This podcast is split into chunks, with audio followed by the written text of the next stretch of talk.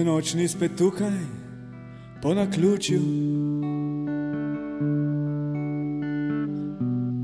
Zelo previdno izbira čas. Vse nove sanje razčetveri. Starim uniči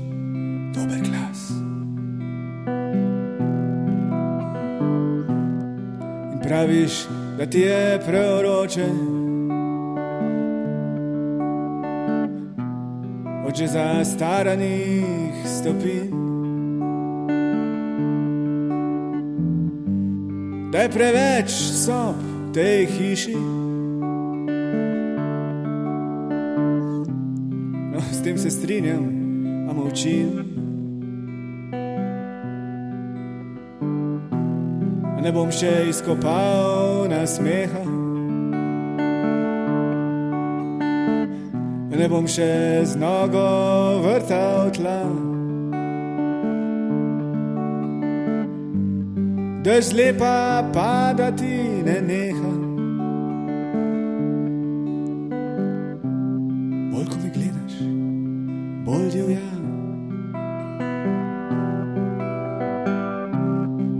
Saj nočem biti tukaj s tabo.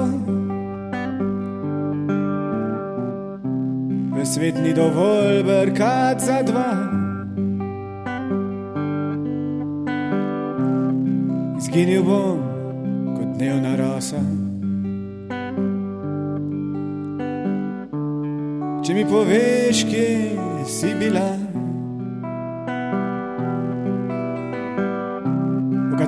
sliko si se skrila, v katero nočno moro šla. Koga v dolgih popoldnevih. Z mojimi pismi hranila,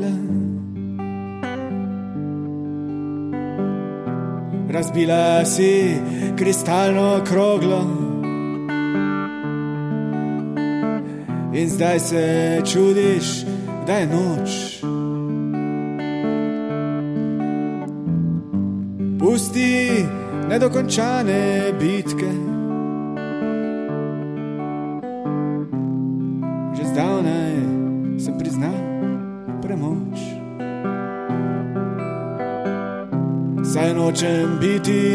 Tukaj s tabo. Tvoj mir je moj nemir brez dna. In ne bojim se presenečen. Vem, da si marsikje bila, katero sliko si se skrila, katero nočno moro šla. Koga v dolgih popodnevi z mojimi pismi hranila. Koga v dolgih popodnevi z mojimi pismi hranila.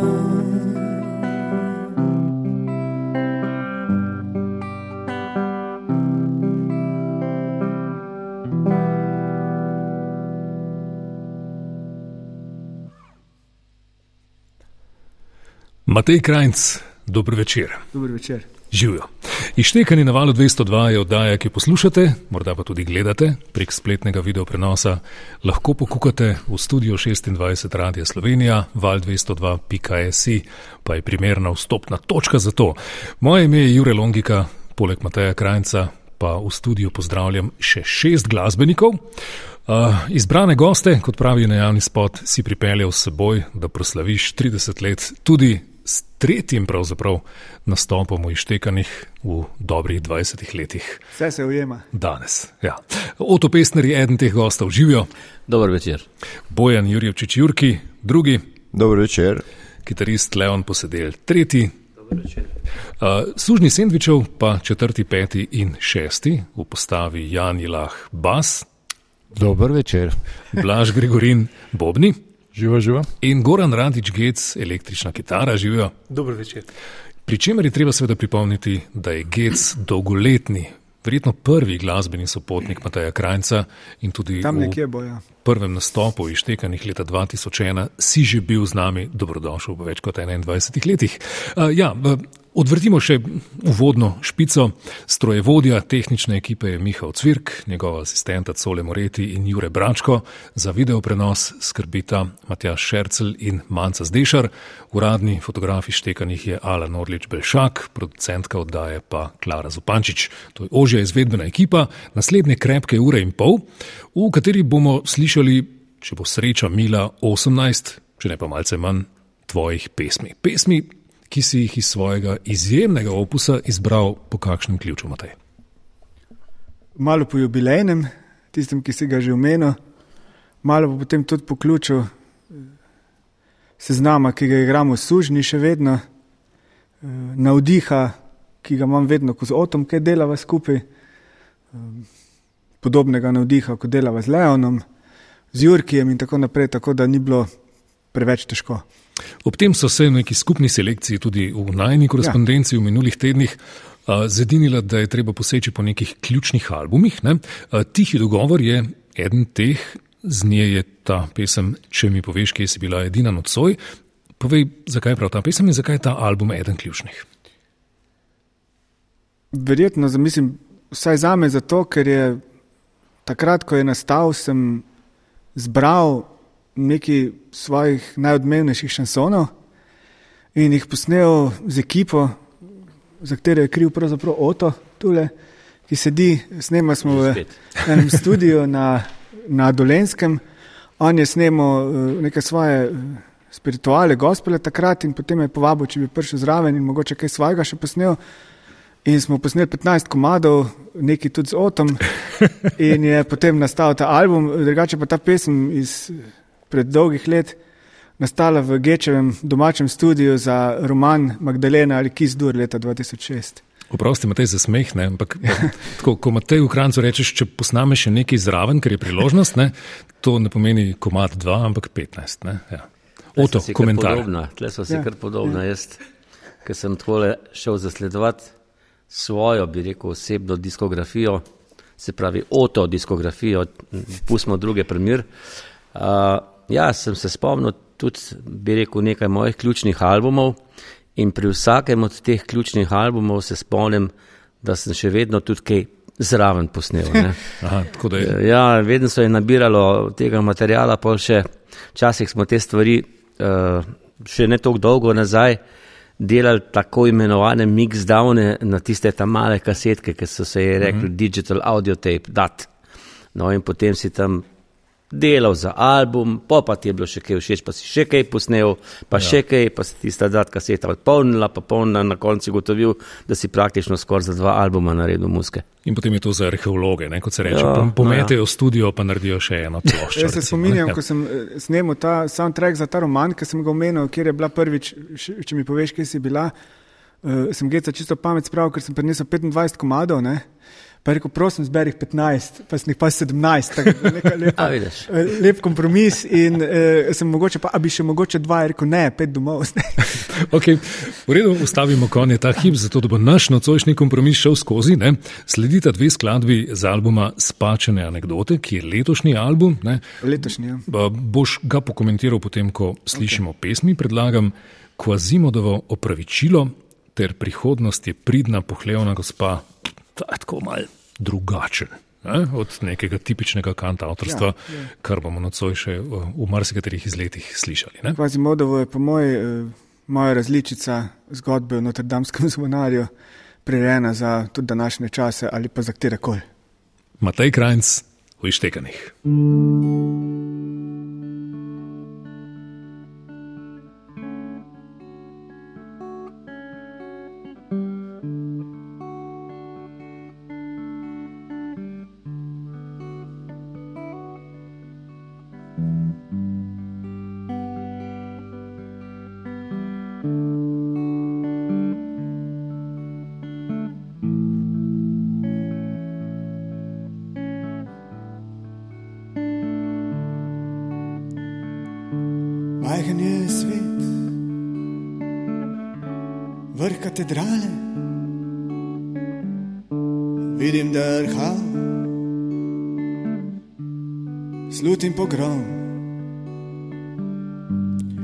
Se zbrali, to razumem.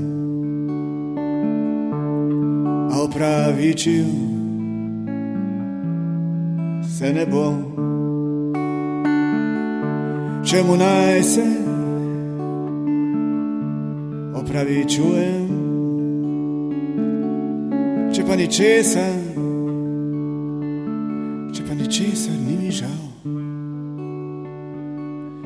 Izpustil sem jo, svetani konec. Kaj vendar hoče, še drhal. Majhen je svet, vrh katedrale, ne bo pa kot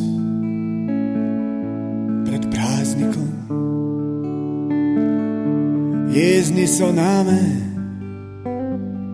to razumem. A upravičil se ne bom majhen je svet, vrh katedrale,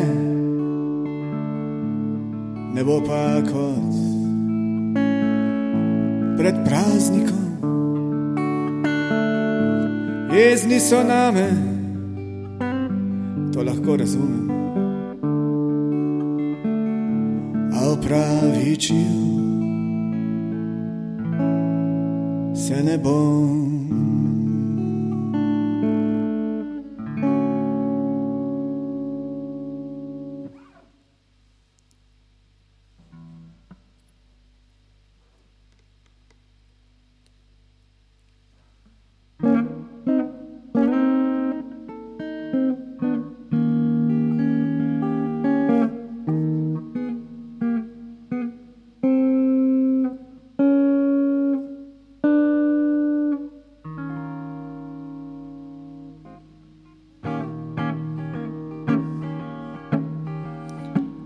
Prihodnost je pridna, pohlevna gospa, sosedje jo radi imajo.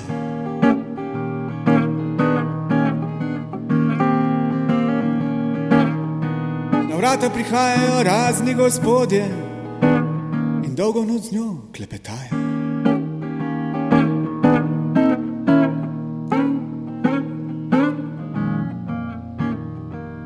Prihodnost pa jim otroke rodi, prihodnost to zmore in zna. Nikar ne poslušajte zlobnih ljudi, prihodnost je pridna, pohlevna gospa. Prihodnost je pridna, pohlevna gospa.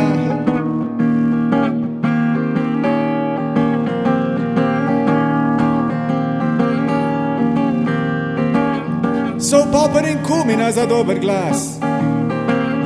Časnik je črno na belem, piše, kaj vse se dogaja pri nas in kam se udarjajo strele. Prihodnost pa nam otroke rodi, prihodnost to zmore in zna. Nikar ne poslušajte zlobnih Prihodnost je pridna, pohlevna gospa. Prihodnost je pridna, pohlevna gospa.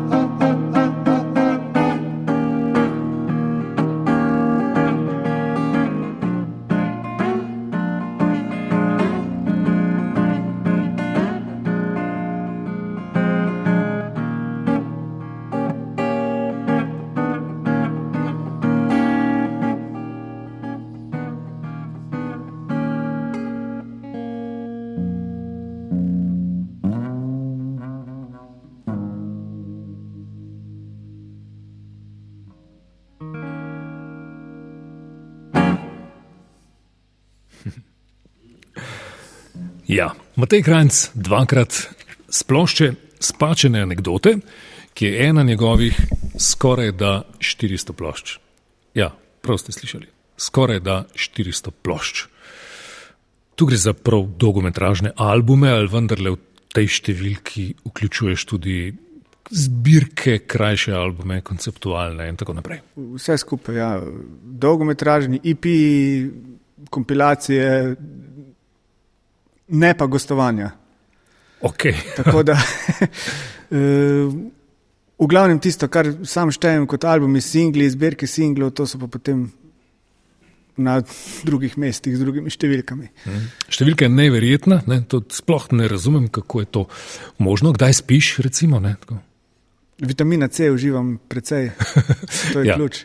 Uh, okay, eden od ključnih albumov, no, ki bo daleč prevladoval na cošnem repertoarju, pa so te spačene anekdote, ki so išle digitalno na Bandcampu, se jih seveda da slišati, um, in še tudi drugje na spletu, pa na vinilu. Ja. Na to si kar ponosen, verjetno, ne? na ja, par vinilk, ki jih imaš v zadnjem vinila, času. Ja. Hmm. Pri založbi Helidon je šla ta kompilacija mojih šansonov kot neko nadaljevanje dopolnitev tihega dogovora, s tem, da niso posneti z jazzovsko zasedbo kot tihi dogovor, ampak so od solo do do manjših zasedb. Uh, tako da je razlika med tem, onim, med tem in onim albumom, malo manj komadov je tudi na tem. Uh, je pa na vinilki vsemi besedili in vsem pripadajočim aparatom, kar je seveda super. Ja. Posnetki so nastali v zadnjih petih, šestih letih, mm -hmm. od 2016 do 2021, ampak pesmi so pa tudi še starejšega datuma. Ja. Tako da ta pripis izbrani šansoni ob 30-letnici samospevskega dela pritiče tej plošči. Šel sem do čistih začetkov, s posnetki sicer ne, ampak s pesmimi pa. In šel si od uh, rojstva do selitve, Tako, kot si ja. poudaril. Koncept konceptualni album, album je ja. nastal. Ja.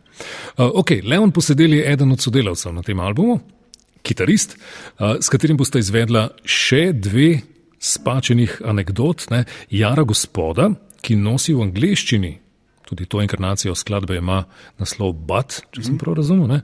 ter vse zaudarja po tišini. Tudi to je neka posebna skladba, da pokomentiraj morda pesmi, ki jih bomo slišali. Jara gospoda je najprej nastala kot Bat eh, na albumu Unarranged, ki sem ga izdal leta 2016, ko sem bil v Londonu. Eh, slovenska različica je pa nastala za potrebe te plošče, vinilke, eh, potem smo našli slovensko besedilo in je na podlago angliške potem slovensko besedilo nastalo. Medtem, ko je vse zaudarja po tišini že dolgo, dolgo časa, del mojega repertoarja na odru, nastala je pa za en roman, ki ga nisem nikoli objavil in z, z drugačnim naslovom, z malo drugačnim naslovom. In potem je kot neko univerzalno sporočilo, ki se pojavlja v pesmi, pesm o minevanju, spopadanju s tem minevanjem, kar vsi poznamo, eh, dobila ta naslov. Vse zaudarja po tišini. Uh, imate pa vse dve skladbi z tega albuma londonsko poreklo, oziroma spremljate ja. tvojo londonsko epizodo, morda v treh stavkih. Poleg, poleg Jare gospode je tu še, še nikjer ne piše, ki je nastala kot Toy Balloons. Uh, posnela sva že leta 2016 z Leonom, v Ljubljani in je potem šla na pot. Posnetke sem nesel s seboj v London in eh, sem tam potem hodil okoli založb. In mi je celo uspelo s, s kvazi modovim upravičilom, no tudi, ki je tudi eh, nastal kot kvazi modov apology v originalu, dobiti pogodbo za eno založbo. Um, to je sledilo kar nekaj časa igranja po klubih, na odprtih mikrofonih in, in tako naprej. No, in ko smo se pa ravno začeli resno pogovarjati o snemanjih, to je pa potem udarilo, uh, kar je udarilo, in smo šli lepo domov z avionom. ja, torej, ne navadno, ne? pri krepkih ja. 40-ih si se podal v eno od mek uh, rock'n'rolla. Uh, se ti ni zdelo to takrat iluzorno? Če bi jih imel dobrih 20 itak, ja, v London, gremo, ne, probati spet. Um, Počutil sem se do, za dobrih 20. Tako da iz tega razloga verjetno je bilo to, uh, mislim, rekel sem dajmo videti, kaj se dogaja v tujini. Najprej sem bila žena v Štokholmu nekaj časa, eh, potem pa smo se odločili za London in sva šla tja in uh, poskušala vse živo. Ja, ta nesrečni konec je stvar prekinila. Kakšna ja. pa je izkušnja, če v dveh stavkih opišeš? Je, je, je brbotalo, se ti je zdelo, da bi te to okolje lahko sprejelo in bi ja. kariero tam nadaljeval dobesedno? Ja, mislim, zelo redo je kazalo. Jaz sem bil, počutil sem se kot doma, meni je bilo res super, sploh, ker sem imel še konotacije oziroma te kontekste iz splošč, z filmov, z vsega živega. Tam so bili vsi ti v glavnem bendi iz prve britanske invazije, tu imamo tudi z Otom skupno, to ljubezen do teh bendov, pa z, z Gecem, pa še s kom tu. Uh, Regent Sound studio so Rolling Stones snemali, recimo, uh, živel sem blizu Besize, ena pesem od Engelberta Humperdinka, da bi si gledal The Besize. In domnevam, da si v uh, kakšnih pogovorih in, celo prednjačil s svojim poznavanjem pred Angleži, ne? Ja, mi je, mi, Mi je prišlo prav, ja, včasih. Ja. okay. uh, ljudje, ištekani na valu 202, v živo iz studia 26, neposredno na radio ali na splet val202.si, uh, Matej Krajc in Leon posedel dvakrat, jara gospoda, ter vse zaudarja po tišini. Ja, tudi ištekani mal.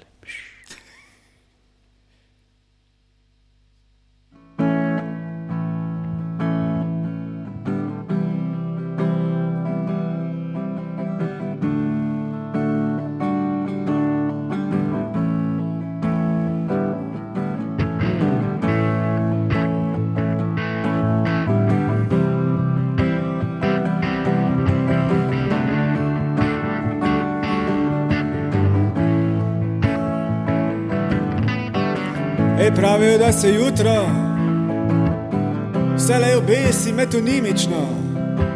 In kdo sem jaz, da bi dvomil tisto, kar vsi vedo. Slišal sem, da so v hotelih, pa je marsikaj dogaja. A samih zgolj preletim, odtujim milo vrečico čaja če dovolj dolgo hodiš, prideš k Robertu Johnsonu, ponudiš mu cigaro, prvo berilo, morda tudi tiramisu. Pravijo, da se jutro zelo obesi metonimično. Kdo sem jaz, da bi dvomil tisto, kar vsi vedo? Leo.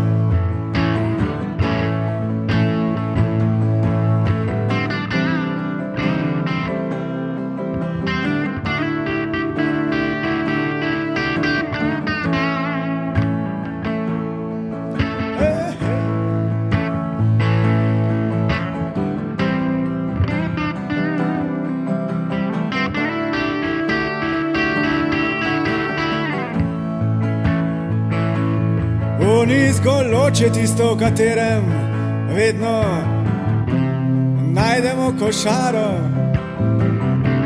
Kdo naredi gospodo sitno, kdo jo naredi jaro. Ej, pravijo, da se jutro vse le obesi metonimično. Kdo sem jaz, da bi dvomil tisto, kar vsi vedo.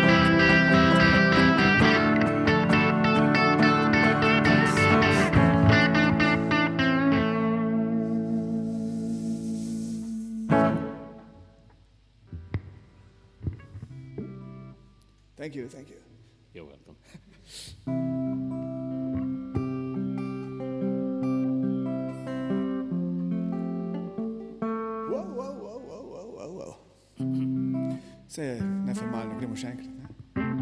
Take two.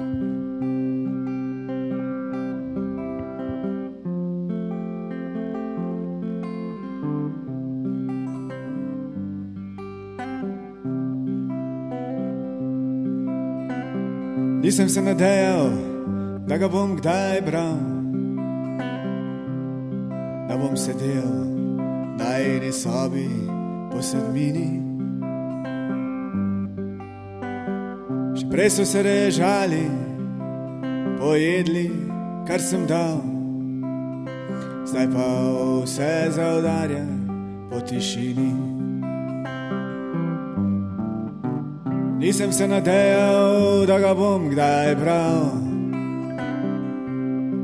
Nočem vedeti, kaj je pisala o meni. Ko so ji zaprli oči, je moj dotik na njej ostal. In moji prsti v grob so zasajeni. Eno drevo manje v mojem drevoredu, zapacana pot do zlizanih stopnic. Eno drevo manje v mojem drevoredu, smrad se širi nagelnom navzlic. Hey!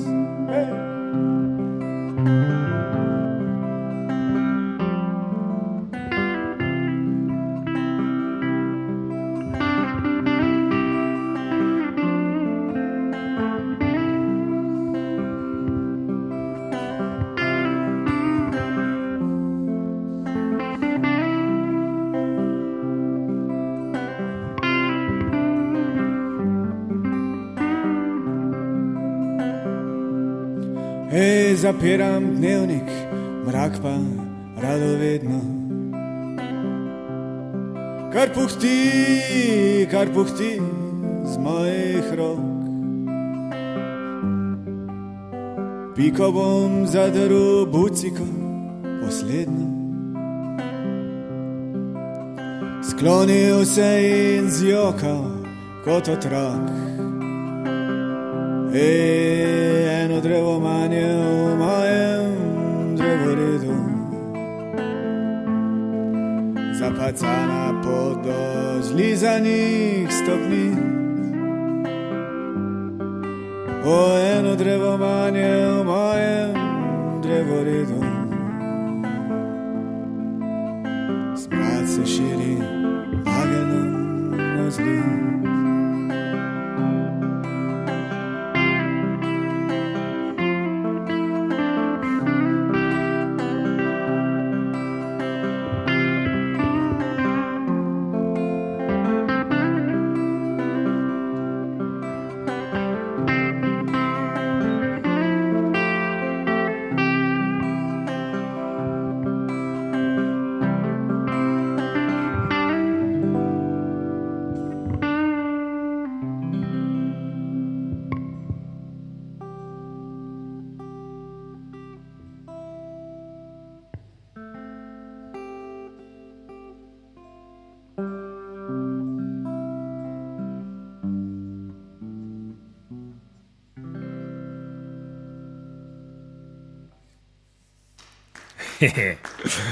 Ja, čudovito. Jara gospoda ter vse za udarje po tišini, Matej Krajnc in Leon posedel skupaj.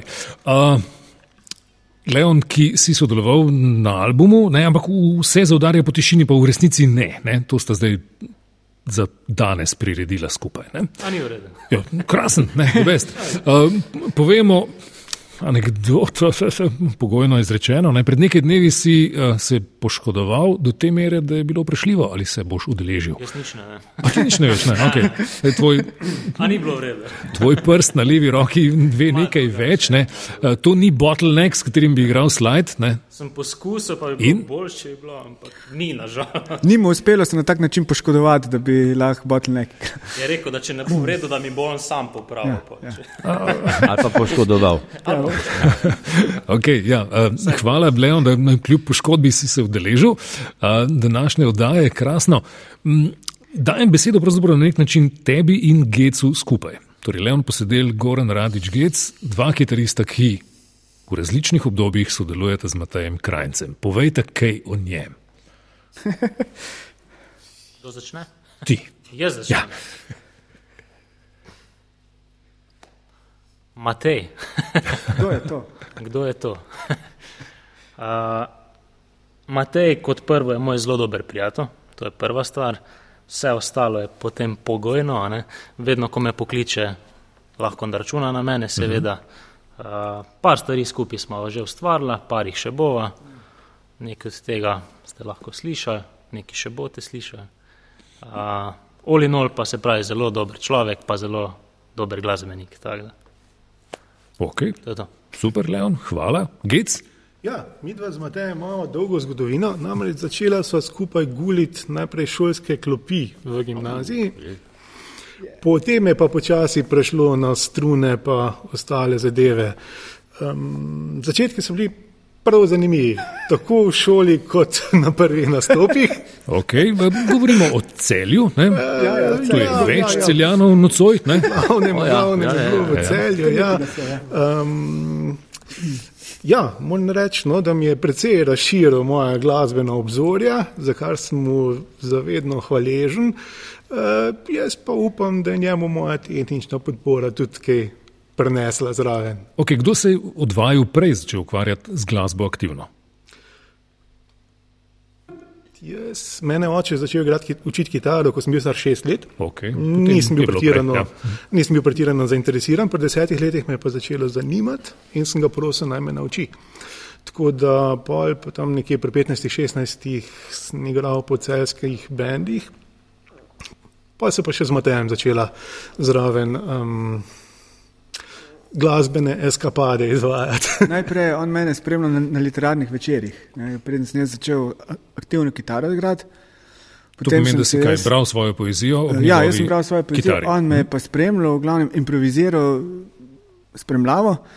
Eh, En klub je bil Barfly, ki je bil zelo hvale, hvaležen klub za te stvari. Smo ogromno tam bili in igrali in poslušali.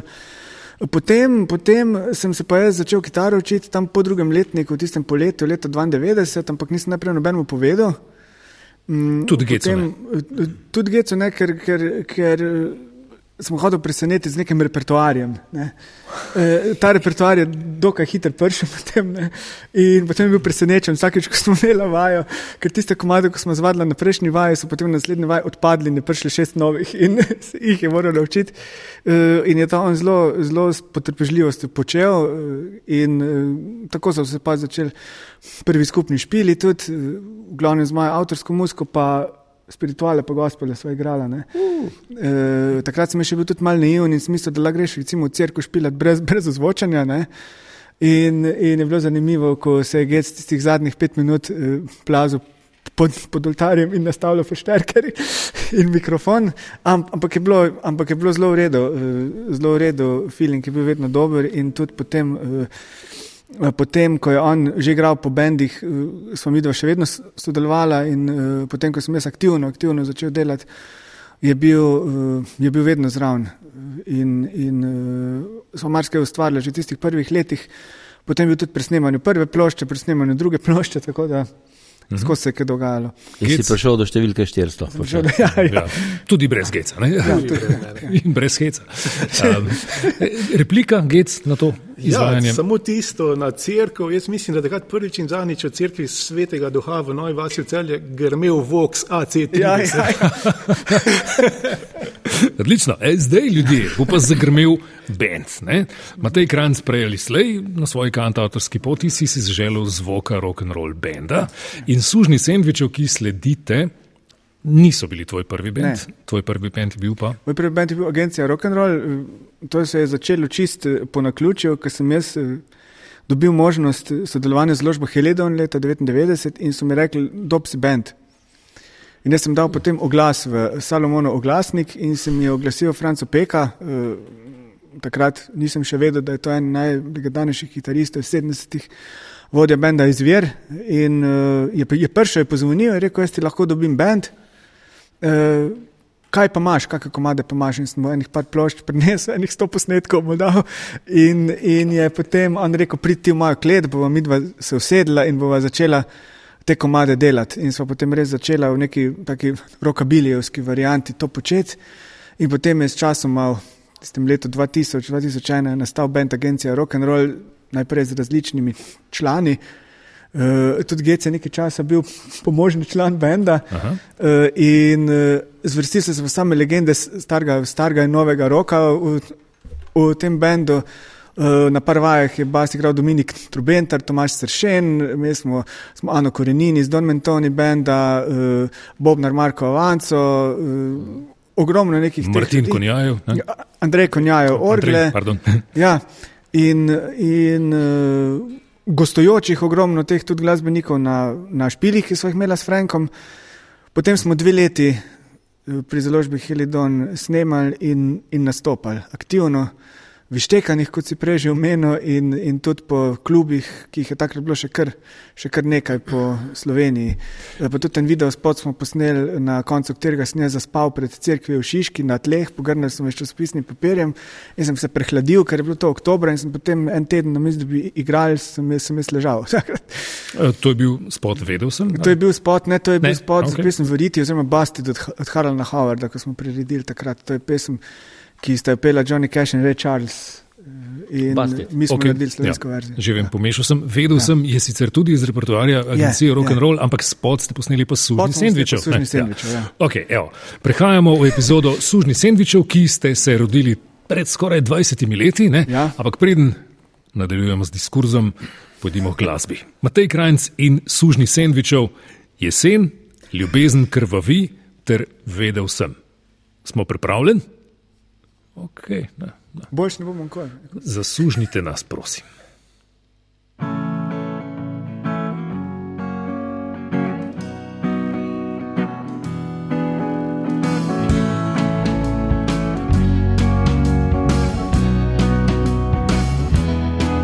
Jesen, ko stari na mesto oči, hladna jutra na koncu, olistanih poti in težki plugi, pred zimskih skrbi mračni knjigi srca, ki na dežju stoji jesen, prehitovalni pasovi moče, blindirane besede in svečke, ki prehitro dogorena.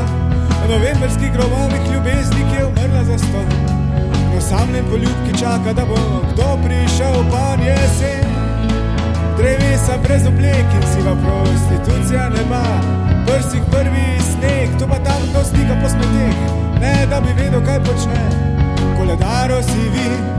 ljubezen je jesen.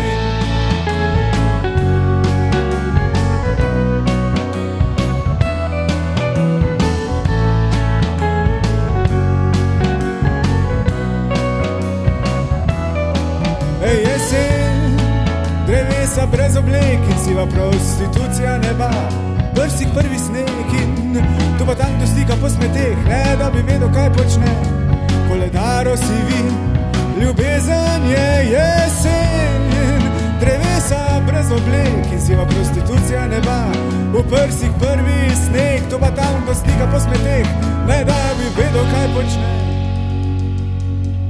In koledaro si vi, in ljubezen je jesen.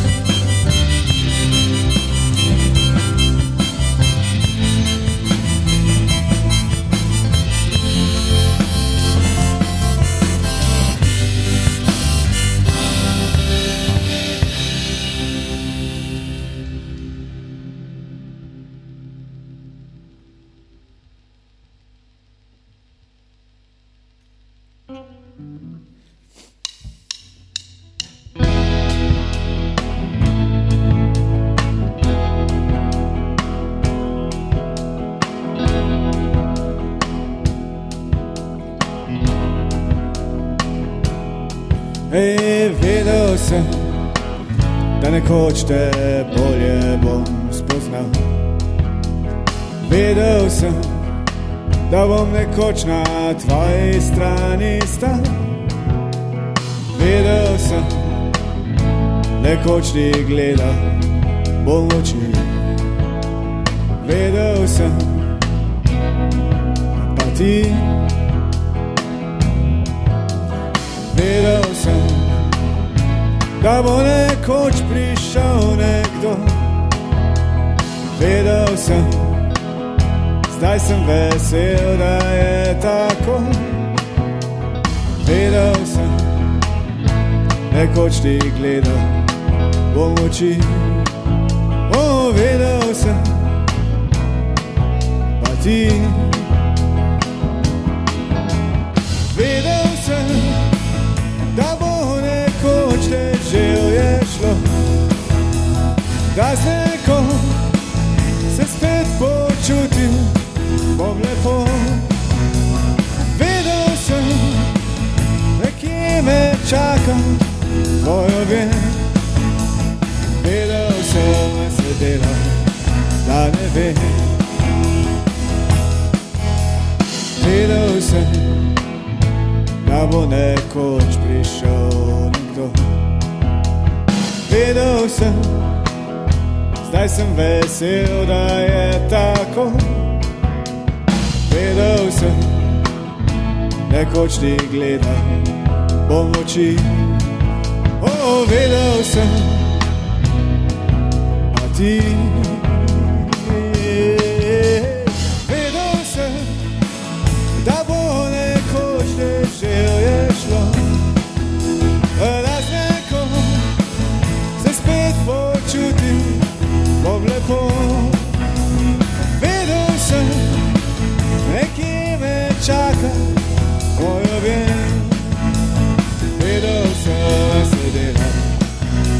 Vem. Oh, vedel sem, nekje me čaka tvoj objem. Oh, vedel sem, da se delam, da ne vem.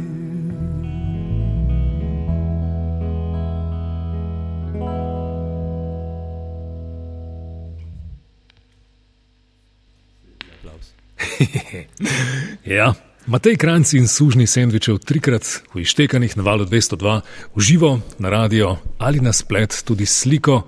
Val 202.si je vstopno mesto za tak pogled na tele ištekane, v katerih eh, gostimo. Ja, enega najplodovitejših, ne kar najplodovitejšega, lahko rečemo, slovenskega kantautorja Mateja Krajca, ki občasno nastopaš s sužni sendvičev. Eh, En citat si privoščimo, že skoraj 20 let ustrajamo v rock'n'rollu in poeziji in to brez panike, če se vmes dve leti ne dobimo, si zapisal v eni od svojih knjig. Kdaj ste se dobili, fanti, na zadnje, pred tem lešpilom? Če sploh pomnite. Kdo bo povedal? Kjer koncert je bil, ti si enciklopedija? Društvo pisateljev Vrt, Eh, Društvo pisateljev, september 2020. Ok, dve leti, ja, ja. čudovito. Dober tempo. ne. Uh, ja, m, sužni sendvičev. Najprej je bil s teboj Jani Lah in bila sta sužnja sendvičev. Ja, je, to je bilo ja. pred 20 leti, leta 2003 pa je to rock and roll kvartet. Ne? Nastala sva eh, na pobudo takratnega glavnega urednika pri Kudu, France Prišern, čigar pomočnik sem bil. Eh, Potrebovali smo bend za, za predstavitvenih knjig, ki smo jih izdajali, in eh, me je vprašal, eh, gospod urednik, če bi jaz mogoče nastopil, pa sem rekel, ja, pa je rekel, imaš še mogoče koga, da ne boš sam. Pa sem se na Janje spomnil, ker sem vedel, da je sposoben, ker to je bilo naslednji dan, da je sposoben zimprovizirati enih 20 komadov na špil. Ne? Eh, Pa poznal je že nekaj moje pesmi prej. Mal popravka. Ne? Kaj boš rekel? Ja, da ni bilo sploh govora o 20 komadih. Ne, ni, ni bilo govora o 20 komadih, bilo je govora, da, da moramo nekaj zaigrati. Pač, ne? In potem je Jani predlagal jesen in še na dva, dva tri komade sva igrala. Ne? Mhm. Uh, Ja, ampak to je pa res trajalo eno uro pa pol. Ja, ja ker smo še neke stare rock'n'rolle potem in tako. No in potem je, uh, je Jani predlagal Andreja Hribarja za Bobnarja in uh, ker Andrej Hribar takrat ni bil, uh, ni, ni mogel, je predlagal Blaža in je Blaž se pridružil in takrat na solo kitari Janis Hosnik, s katerim smo sodelovali. In smo imeli potem jeseni 2003 uh, špilo Kudo France Prišern Ja. kot In kvartet. ta trio, ne, torej Jani Blaš in ti ste, bi rekel, trdno jedro, ne, kitaristi Ja. se pa zelo menjajo. služ- službi ja, zdaj nekaj časa že ne več, ampak imeli smo kar nekaj kitaristov. Ja. Uh, najprej je bil Janes, uh, potem sta bila nekaj časa Martin Pečar in Jurki. Tudi, Naš gost, ki še Ja. pride na vrsto. Ja? potem se je pa pridružil Gec in od takrat ustrajamo v tej, v tej zasedbi. Odlično. Sužni sendvičev, kaj je najbolj zabavno pri Mateju Krajcu? 3-4. Definitivno 3-4. Mislim, vse je na 3-4. Pridemo v studio, kjer tri, gremo štiri. 3-4. Kaj je 3-4? In pol pač pride štikec posnet 3-4. Aha, okay. In kaj je pri njem najbolj smotano, tako, da težko prenesete? Tudi Tudi 3-4. Ja. Uh, pa še ena fraza za naplato. Ne? Ko prvič slišijo komad, ko prenesem recimo nove komade in potem, ko prvič jih zaigramo, reče plaš, to je zdaj bilo za, na- za naplato. Blaž, replika. Ja. Uh, ja, Matej je ekstra ustvarjalen in uh, v bistvu dejansko, kot je že omenil, ko smo v studiu, uh, v bistvu iz nekega džema, ima on že besedil, že ve, kaj bo to naredil. On edin ve, kaj delamo, vsi ostali člani pa v bistvu se mal uh, še spogledujemo. Uh, tako da, ja, ta del je, je bil doskrat, spoh na nastopih je super kompromis. No, zdaj pa enega odigrali uh, iz leta 73, ki ga je igral ta pa ta, prvo noben od članov ne ve, kaj igramo, druga pa ne, ga nismo vadili. Tako Ampak 3-4 pa gremo. 3-4 pa, ja, tako je, gremo. 3-4 smo pa zdaj nazaj vzeli, tako da, ja. ja, nima več. Pa se ta tri, štiri smo glikar slišali. ne. V tej ta zadnji pesmi, ker glede na to, da je bil napovednik na valu 202, da zmerom vsako pesem ne odigra enako, ne, Ja. ali isto, pardon, potem je, uh, smo točno to ne, naredili. Ravno kar. Ravno kar. Odlično. Tri, štiri. Okay. No, v naslednjih dveh bo Matej Kranc pa odvisen sam od sebe. Uh, Log bomo dejansko skozi čas, skozi 30 let napeli. Ne? Prva kantautorska skladba Ljudje, ki si jo napisal na kavču v dnevni sobi leta 1992 ja. in bil kar zadovoljen z njo, ne? Tako, za 3-4, ne za naplato. ne.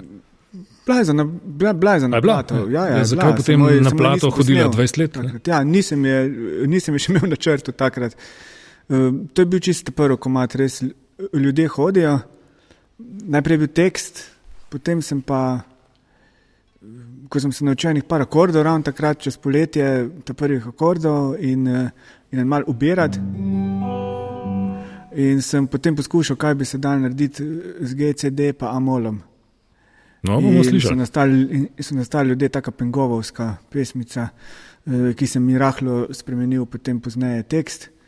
Eh, In s tem novim tekstom je tudi prišla na ploščo spačene anekdote. Tista, ki sledi, pa še ni na nobeni plošči. Tista, ki sledi, pa Popolnoma neobjavljena, nikoli slišana. Ne? Napisal sem jo za eh, nastop v Tivolijo letos poleti, ker ne bi promoviral ploščo spačene anekdote in vse pesmi so tihe, ampak sem se odločil, da bom promoviral ti dve plošči tako, da bom igral sam, same nove komade.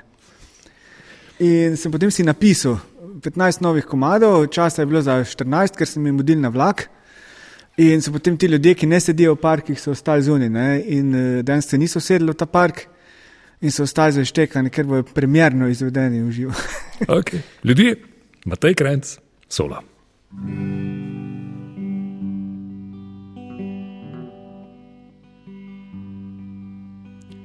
Ljudje hodijo po kockah spomina in se boje daljših korakov na kockah, ki tkejih tišina. Ljudje umirajo v dnevih nemira, kjer ni več kockne korakov, zavisti, ki jih požira. Ljudje, ljudje izdihnejo stare zamere. Čakajo, kaj se bo zgodilo, kdaj bo slabo vreme minilo. Ljudje obrekovani po lastni presoji, razledinjeni brez odvečnih besed pri svetu hlinjeni v svet. Ljudje, ljudje obrekovani po lastni presoji, razdedinjeni, brez odvečnih besed. Pri svetu hlinjeni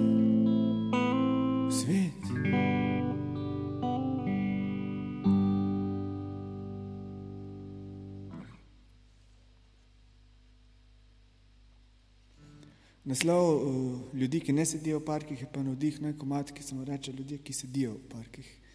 Uh, zasedba Hazard, začetka 80-ih. Zdaj sedijo ali pa ne, je pa predmet debate.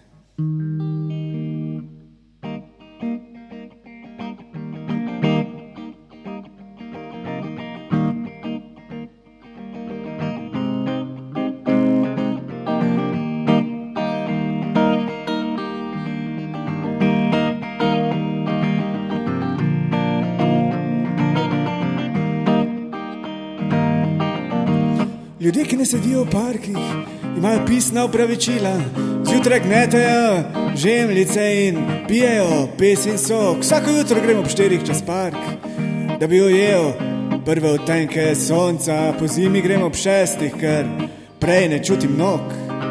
O, ljudje, ki ne sedijo v parkih, o, ljudje, ki ne sedijo v parkih. Yeah.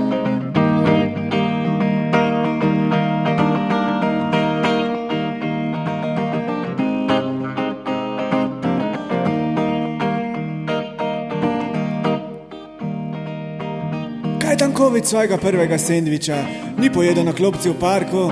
Eh, John Prine ga je vprašal, stari, kje je že Labrador. Sendvič sta si na to razdelila, bila sta velika človeka, jedla sta z rokami, pesniki si težko privoščijo pribor, oj ljudje, ki ne sedijo v parkih, oj ljudje, oj ljudje, ki ne sedijo v parkih.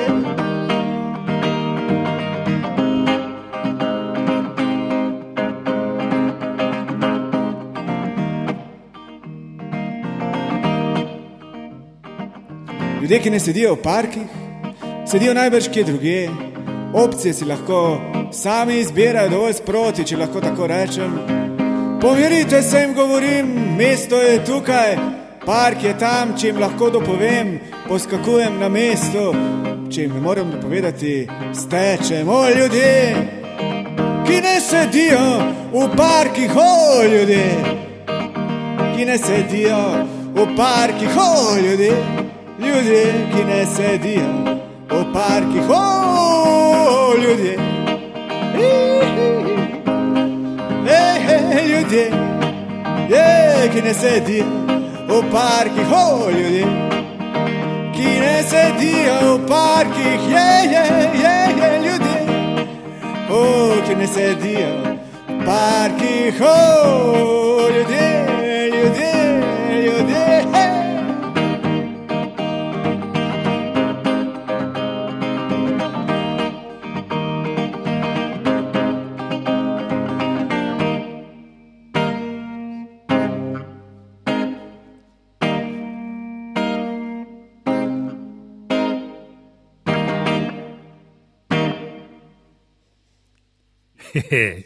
yeah. Ljudje, ki ne sedijo v parkih, ter še prej ljudje, Matej Kranci v Štekanih, uživo v studiu 26 Radio Slovenija. A danes si že pojedel svoj sendvič? Uh, že, Ali dva? že, enega. Enega, okay. Tu ni na sendviče že ješ, Uh, ne še, Ne še? včasih zelo rad, zdaj pa ne več. a imaš spet off fazo. imam Ko nekih 15 letih nisi jedel, koliko Ja, vem. ne, je, pač- jem pa tuno in kruh posebej. A, tako to Ja. gre. Ja, uh, Matej Kranc, tudi sužen sendvičev. Um, ja, um, okay, um, sledi naslednji gost, Oto Pestner, živijo, še enkrat dobrodošel. Ja. Uh, skladba, ki jo boste izvedli najprej, je z albuma Popotnice, ki je eden od teh albumov, ki jih imamo danes v fokusu, je iz leta 2021, če se ne motim. Ne? Ja. Zakaj je ta ključen, kaj prinaša v treh stavkih? Prinaša uglasbitve starih slovenskih pesnikov, pomešane z prepesnitvami starih spiritualov, afroameriških. Okay, da najdemo vsega nekaj konceptualno urejeno.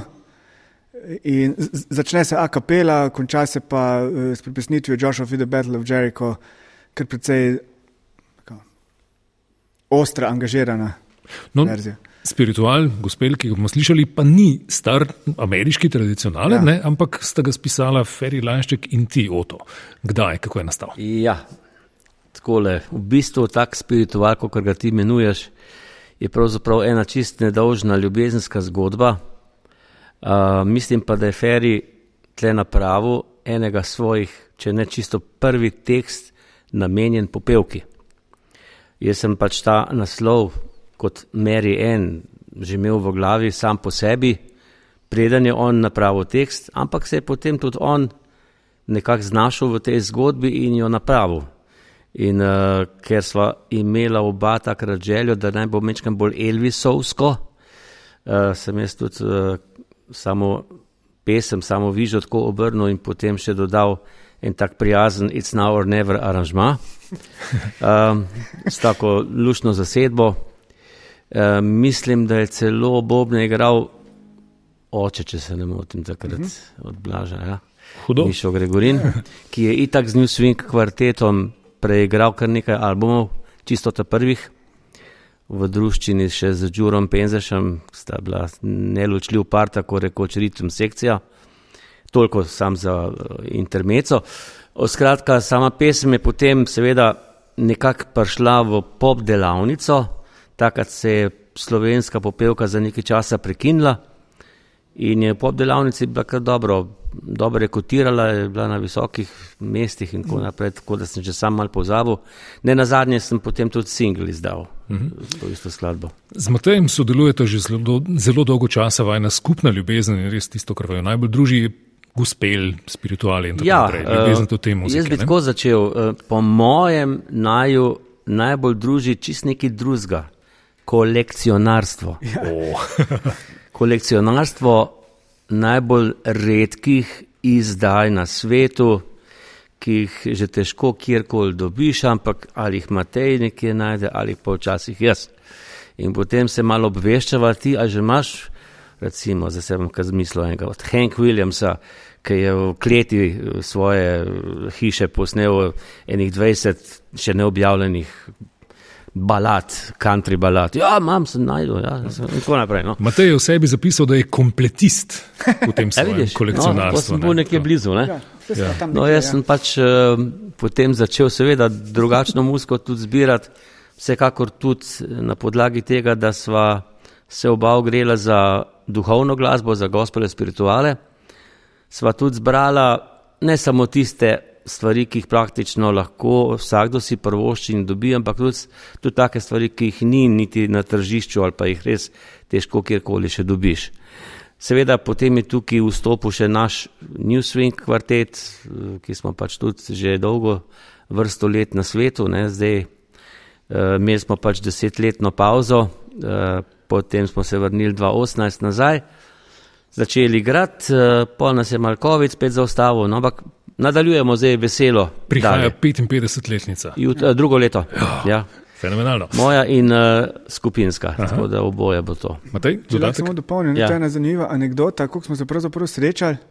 Uh, davnega leta 90 sem jaz bil v gimnaziji, ravno kar sem začel hoditi v gimnazijo in je imel Marjan Petan, še zapomnim se šolce, imel fotokopirnico na eni strani. Ne? Aha. In sem jaz šel tja, uh, naiven pa nadobudnik, kot sem bil, neustrašen, mu rekel, uh, gospod Marjan, uh, meni pa manjka še enih par plošč in kvarteta, bi mogoče mi posodili, da bi se jaz lahko presnel. On me je prvo pogledal, kaj je zdaj to za en mulj, ki tule me, me, me žica za plošče, kaj je to za en. Pa je rekel, "Ke- pa je rekel ok, bom pa zagrabil, ne, da vidim. Pa je rekel, katere bi pa imel. Ne? In smo začeli Naštevati. naštevati, in kjer komadi so gor. Ne? Pa je rekel, "Ej, no, mogoče pa, pa le ne. In mi je potem je rekel, prid drug teden, ne, ti, ti bom prinesel. In mi je res prinesel vse tiste plošče, potem me na enih vajah kmalo predstavil v kvartetu in se je začel z otom, smo se pa hitro poštekali, tako prek Gospela, kot prek, kot prek Elvisa.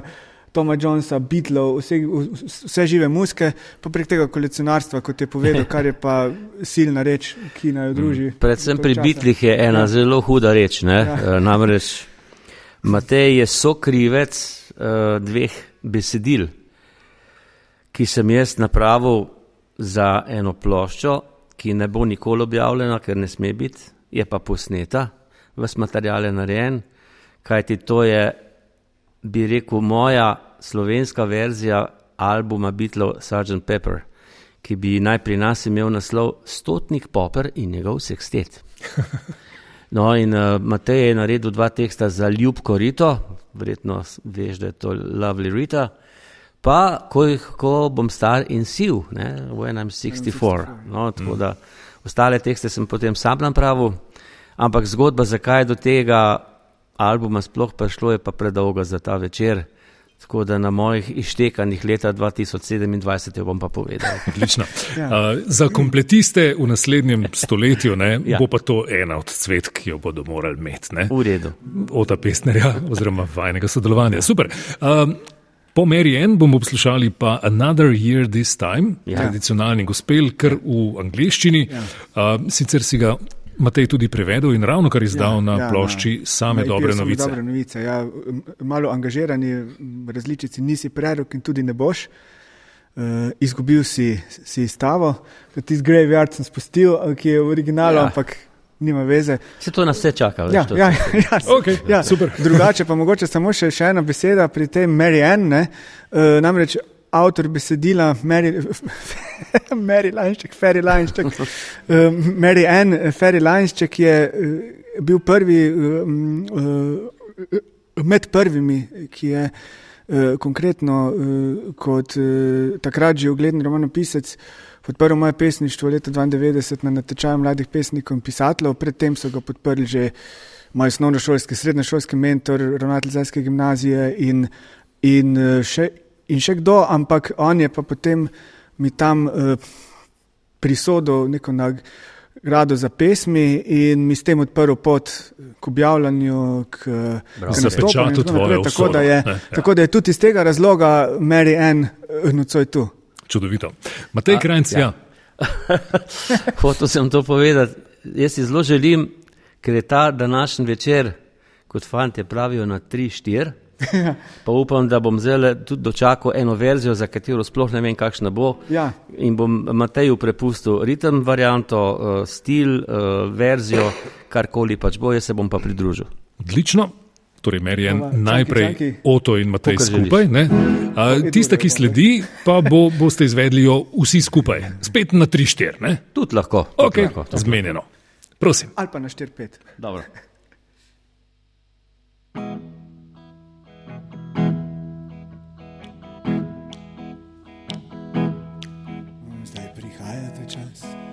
zamolčanih besed. Bo prezgoda jesen, bo prešteti korak. Marian. Marian. Zdaj prihaja ta čas krepenja in senc. Boš čakala na me, ko odide molče, Marian. Marian. Marian. Ne, ne išči velikih besed, ne omenjaj poljubov, ki bodo sanjani, jih bo ta noč zazmeraj vzela.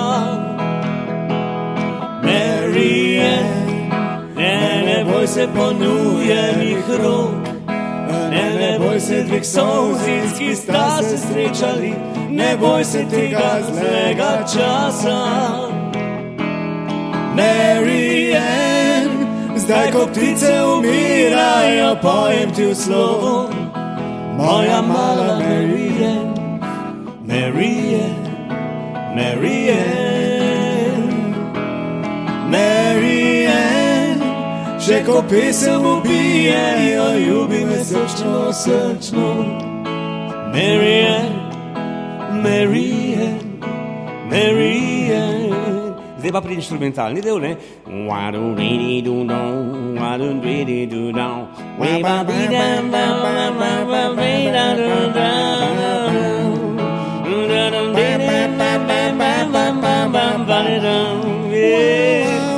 Zdaj prihaja ta čas neprespanih noči, ne zagrni zaves, če se pismo zgubi, Marian.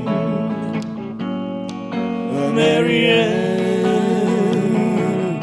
Marian, ne, ne išči velikih besed, ne omenjaj poljubov, ki bodo sanjani, jih bo ta noč zazmeraj vzela. Marian, ne, Ne, ne boj se ponujenih rok, ne, ne boj se dveh solzic, ki sta se srečali, ne boj se tega zlega časa. Marianne, zdaj ko ptice umirajo, pojem ti v slovo, moja mala Marianne, Marianne, Marianne, Marianne, še ko pesem ubijejo, ljubi me srčno, srčno, Marianne, Marianne, Marianne, oh, Marianne, Marianne, Marianne,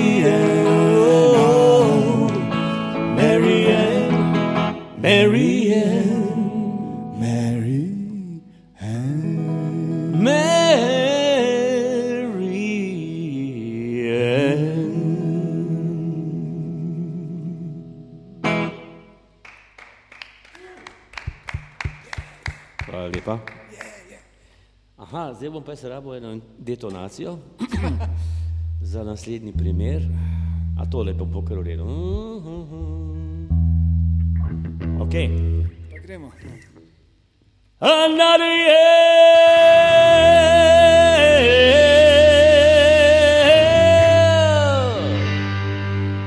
another year. This time,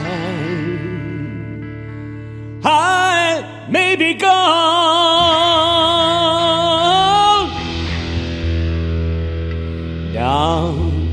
in some lonesome graveyard.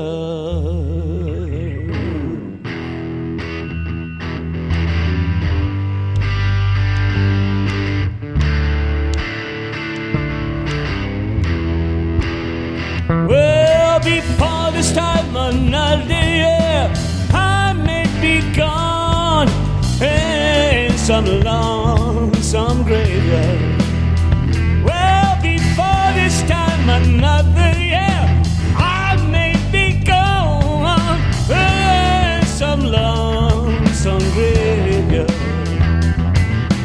Go down, Gabriel. Go down Gabriel. Look behind the altar Yeah, look behind the altar. and get that trumpet Who get that trumpet? and begin to blow Oh, it. begin to blow. Now I want you to blow I want you to blow. the first chord Yeah, the first easy, chord easy. just to wake up the children. Oh, wake up the children. They're down there sleeping. that's down there sleeping. Then blow it again Yeah, blow it again. as loud as Yeah, thunder, loud as thunder. just to call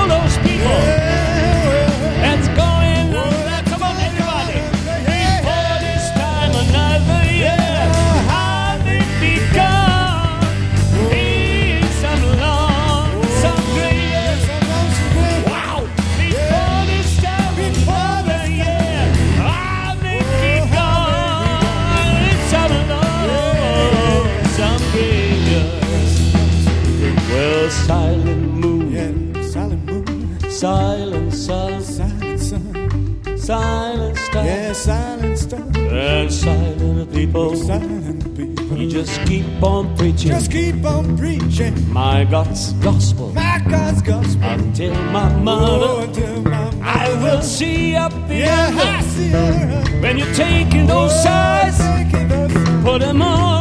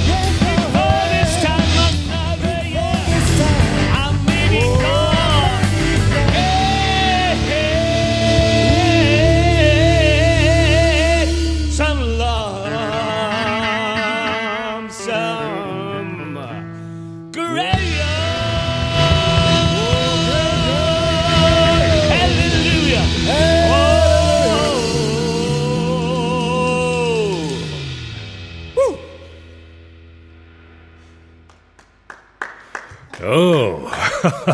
That's right. Mislim, da bo Halleluja. Odlično.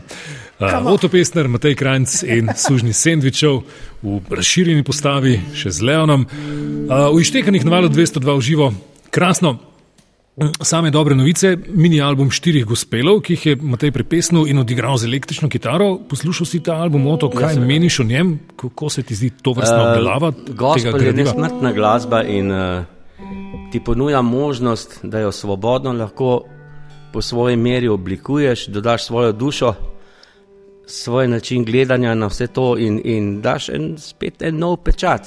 In to Mateju vedno dobro uspe.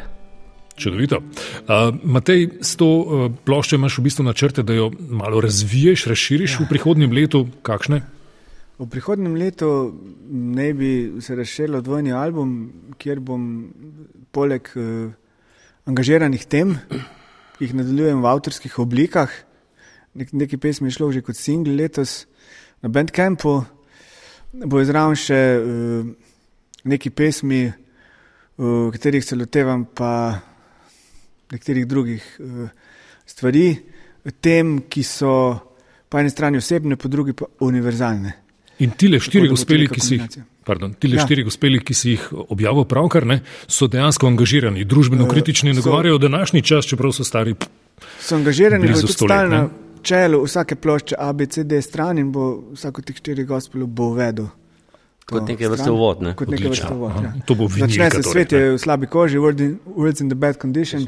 Uh, to je pesem, ki so jo tudi z Otom večkrat. I declare this whole world is in the bad condition. I declare this whole world in a bad condition. I declare this whole world in a bad condition. I guess I better make a move. I better move. Well, I better move. Krasno. Uh, ja. okay, uh, ljudje, zdaj gremo še k eni klasiki. Matej Krajc prevaja in izvaja kanonizirane avtorje rock'n'rolla, kantautorstva in tako naprej. Bruce Springsteen, Tom Waits, Bob Dylan, Leonard Cohen, da bi rekel. Uh, Cvet štirih, pa John tu se seveda ne neha, ne, tako, Ja. če, v bistvu te ne smemo pustiti naštevati, ker bomo zmanjkali časa. ne. Uh, tako da te moraš vprašati, katerega od tovrstnih avtorjev še nisi prevedel, pa te matra in zakaj še ne? Graham Parsons, recimo eno takih, ki sem si jih že po malem loteval, ampak še enkoli sistematično, pa bom še našel čas za to. Drugače pa tudi je zelo težko, mogoče Jo- Johnny Mitchell, ena takih avtorjev, tudi Laura Naro. Kar bi se jih našel, če bi zdaj premišljal, bi jih našel nekaj, pa res velik tistih, ki so mi zelo, zelo ljubi. So po glavnem vsi že nekoliko prišli v slovenščino, tudi eh, na tak ali na drugačen način, bodi si na ploščah, bodi si v knjigah. Mhm, To je torej en razlog, možen ja. pomankanje časa, drugi, se katerega še tako malo bojiš, da še nisi zrel. Definiramo zrel. Drugič. Ja. Uh, Dance me to the end of love, oziroma v prevodu Mateja Krajca, ko v ljubezni kloniva. Prosim. To je pa pesem, ki jo je pri nas že prevedel prej Tomaž Domicel leta 95 kot Vzemi me na kraj sveta.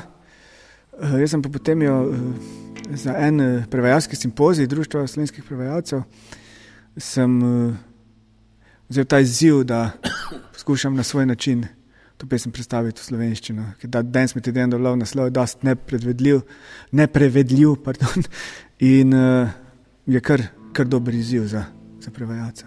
Prosim.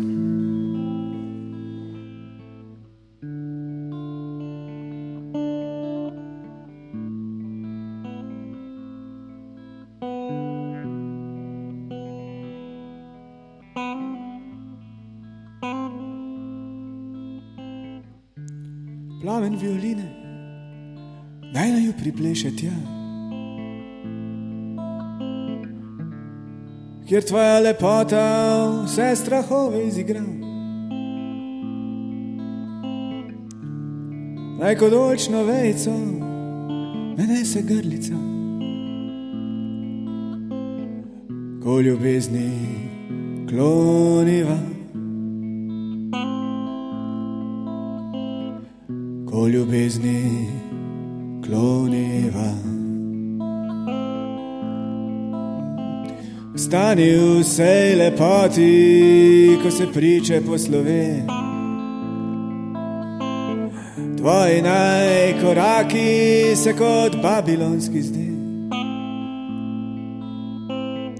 Pokaži mi počasi, česar svet moj ne pozna, ko ljubezni kloniva.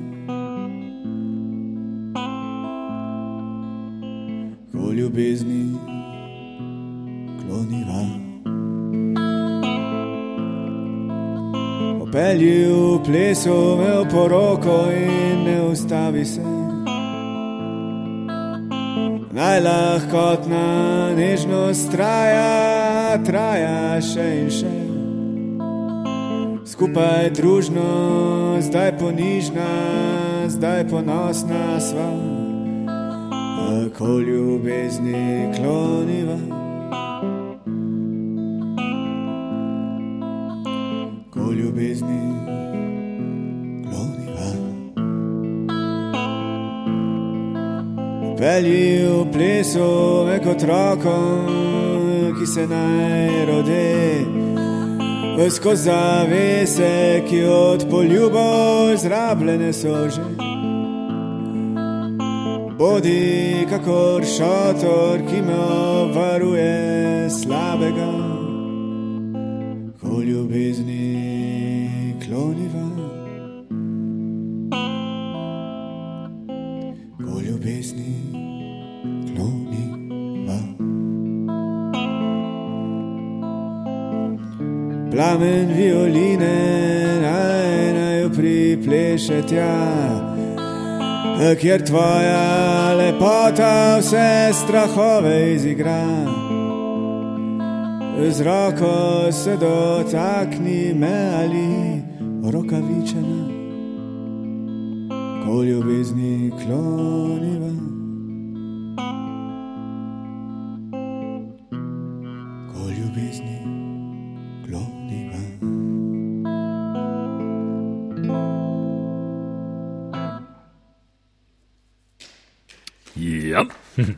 Mateja Krajnca gostimo v Ištekanih na valu 202 z gosti in sopotniki in s širokim repertoarjem, v katerem so tudi uglasbitve slovenskih pesnikov. Uh -huh. uh, zdaj, tu pa recimo, da lahko našteješ, katere si že, tako celo večerno, konkretno v glasbu. uh, vodnik, Kete, Aškrc, Murn, Župančič, Jožef Žemla, Preširen, Prešern, sodobni. Jenko, Koseski, Menard, Šalamun, Fric, Fric, Kovič, Jesih. Pavček, Jesih. To je vse objavljeno. Vse živo, to je, to je vse bolj ali manj, vsaj nekaj od tega je objavljeno. Kaj je v predalu? Ja. Uh, Novih 200 albumov. Ja, mars, marsikaj, uh, še iz repertoarja teh pesnikov, uh, pa še kar nekaj teh starejših je, ki bi jih rad še naredil. Uh, starejših, zdaj predvojnih, povojnih, 20. stoletje, 19. stoletje in nazaj. Mm, recimo, da ima scen del. Uh, Za naslednjih 200 plošč bo res tako. Bo, rekel, bo, ne, to. se- Odlično. Okay. Uh, primerek je Kete. Čemeren grem iz mesta, Ja. ki je šel na popotnicah, na enem od, albumov, okrog katerih se vrtijo nocojšnji štekani. Matej Kranc, Keteja, izvaja takole.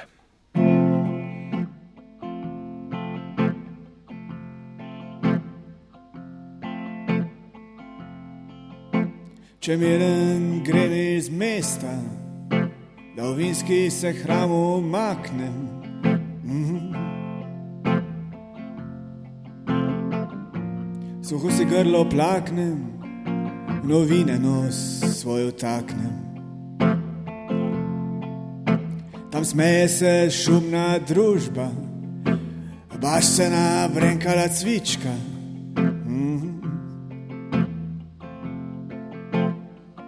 Debela mamica čička smehljaje se radi dobička.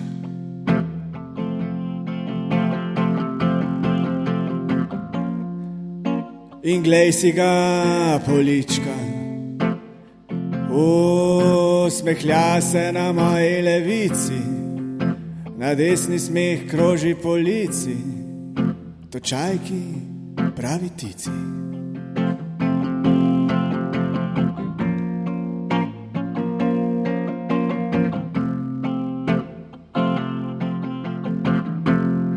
Moje srce zapoje, kot v srečne čase tiste. Mm. Kreševih plesnive liste, napijem se kapljice čiste. Hej, in moje srce zapoje, kot v srečne čase tiste. V kreševih plesnive liste, napijem se kapljice čiste, če miren grem iz mesta. Če miren grem iz mesta, da v vinski se hramu maknem. Suho si grlo plaknem, v novineno svojo taknem in glej, moje srce zapoje, gotovo srečne čase tiste, v krešemih plesnive liste, napijem se kapljice čiste.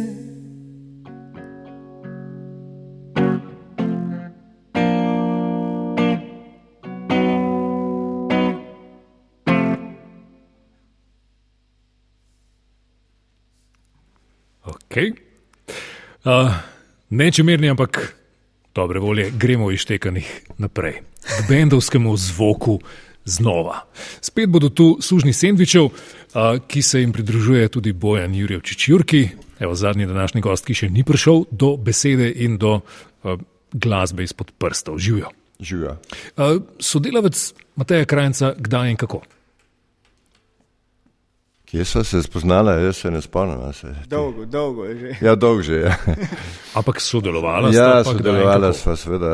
Um, uh, dolg časa so vadili v mojem studiu, Ja. Fantje, sendviči in kranc. Uh, potem je prišla ideja, ki je Matej snemal, nek, so snemali, no, fantje, eno novo pesem, ki jo bomo zdaj izvedli. Uh, če bi jaz to produciral, snemala se je tukaj v vaši hiši, mislim, da v 14. Ja, ne? v lepi 14. bivši. Um, no, takrat sem bil producent in uh, pa sem še nekaj malega uh, dodal klavirček. Tak preprost, kot ga jaz lahko, uh, sem ga sposob, sposoben, ampak je ratela lušna pesnica. Ne? Ja, govorimo o črnih straneh, ne, ja. z tega drobnega kupčka.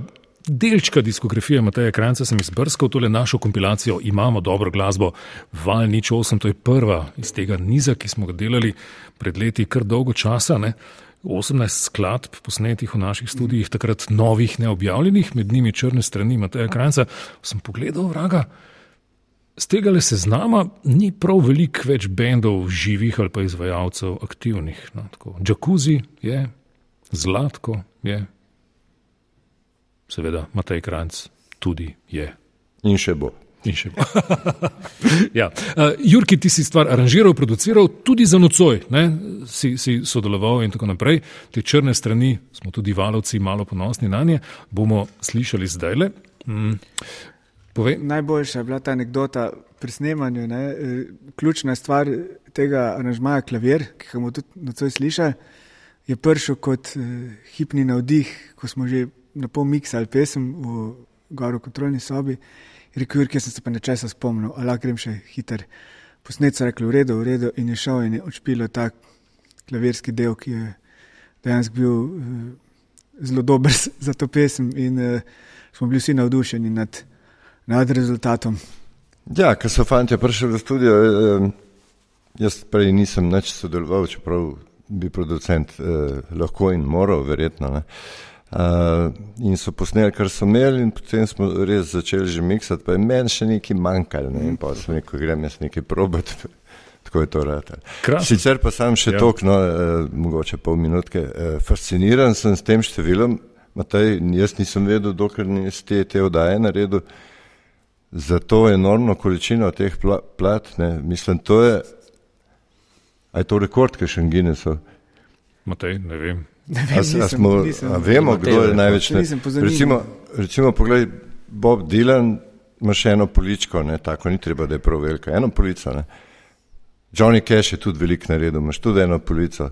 Kdo je še videl? Cohen, recimo, imaš malo manjšo polico. On rab celo maro, Pa šele dobro Mislim, jaz- začel je, ne? Ne, Jaz sem res fasciniran s to cifro. ne. A smo jed?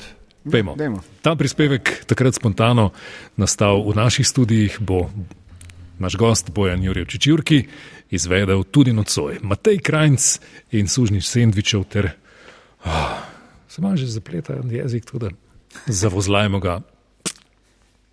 Prosim.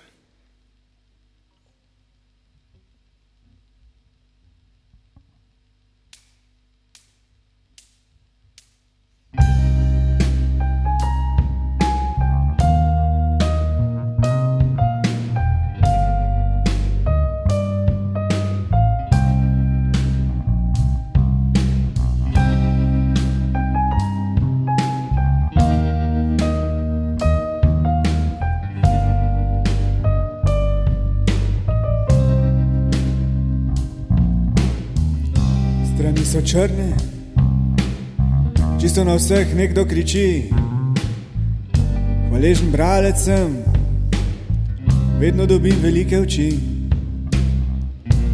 Tujci streljajo iz baret, njihove roke so korenine, rastejo nekam navzgor, napačne višine.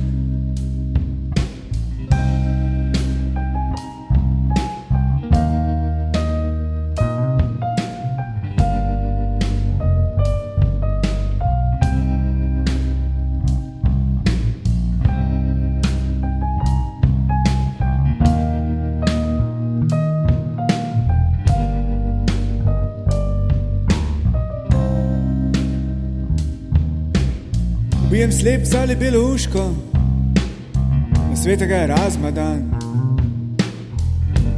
Ulice so prazne, še celo trg je nekam zadržan. Vlečem rdečo nit, a mi ničesa ne pove. Zastave ne izobešam več, prepozno je.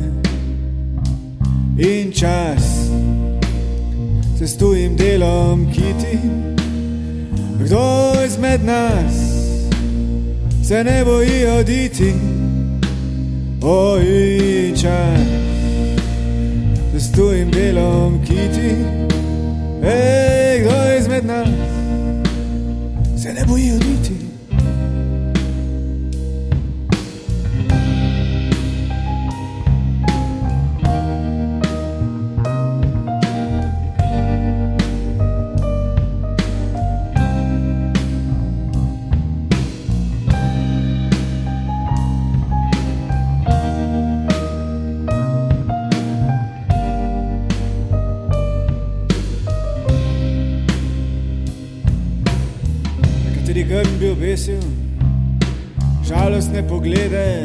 Črnih strani, kdo ve, kaj se je zgodilo v tisti pravljici.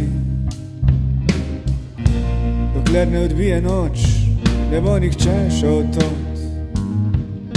Polkna so privita, ključe ima kralj Herod in čas, se s tujim delom kiti. Kdo izmed nas se ne boji oditi, o in čas, se s tujim delom kiti. Kdo izmed nas se ne boji oditi?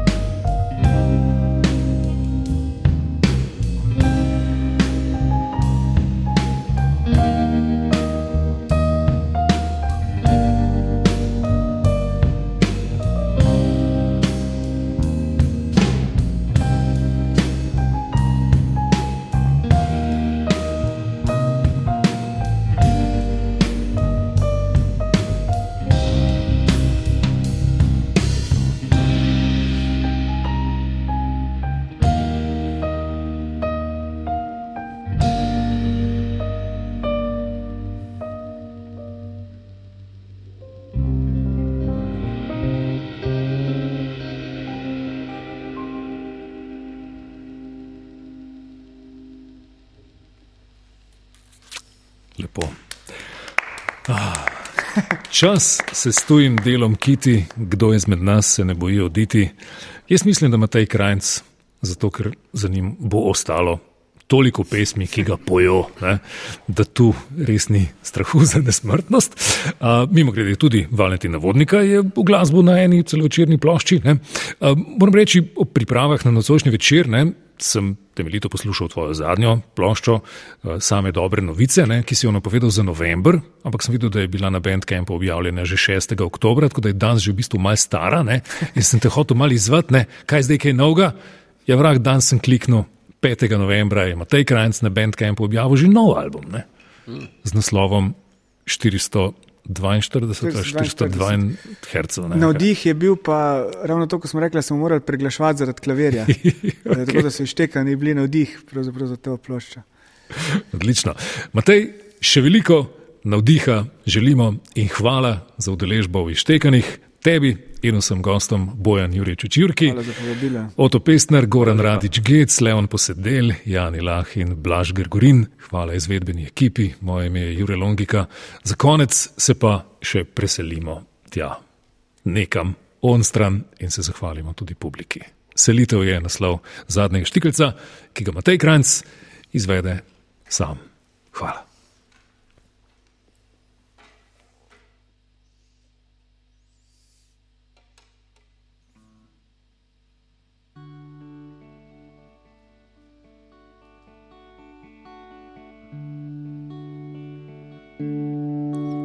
Ptice vejo,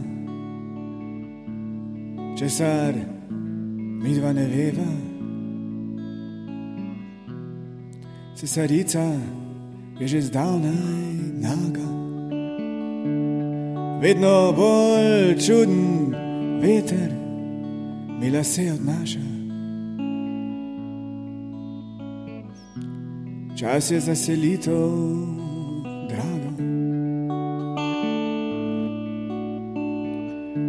Fasade so obsedene z bršljanom in svet preklinja, kot bi videl raga.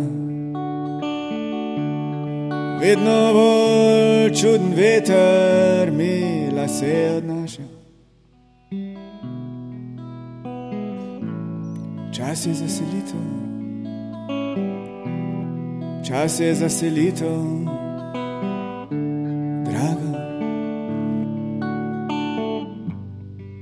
Čas je za selitev, čas je za selitev, draga. Nagni se skozi okno in povej, je to zima ali zgolj jesenska vlaga. Res hočeva na tak način naprej.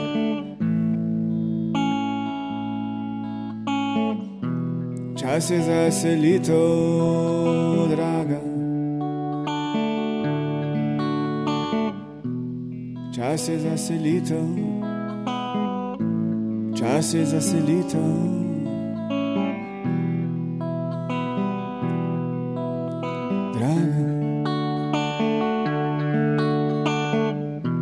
Čas je za selitev, čas je za selitev.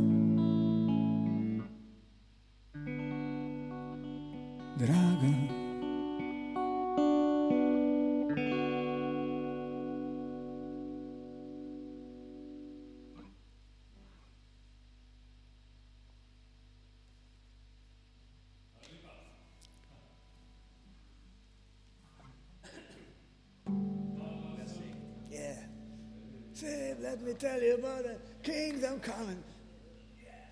Opa lá. Uma Paula, como está lá?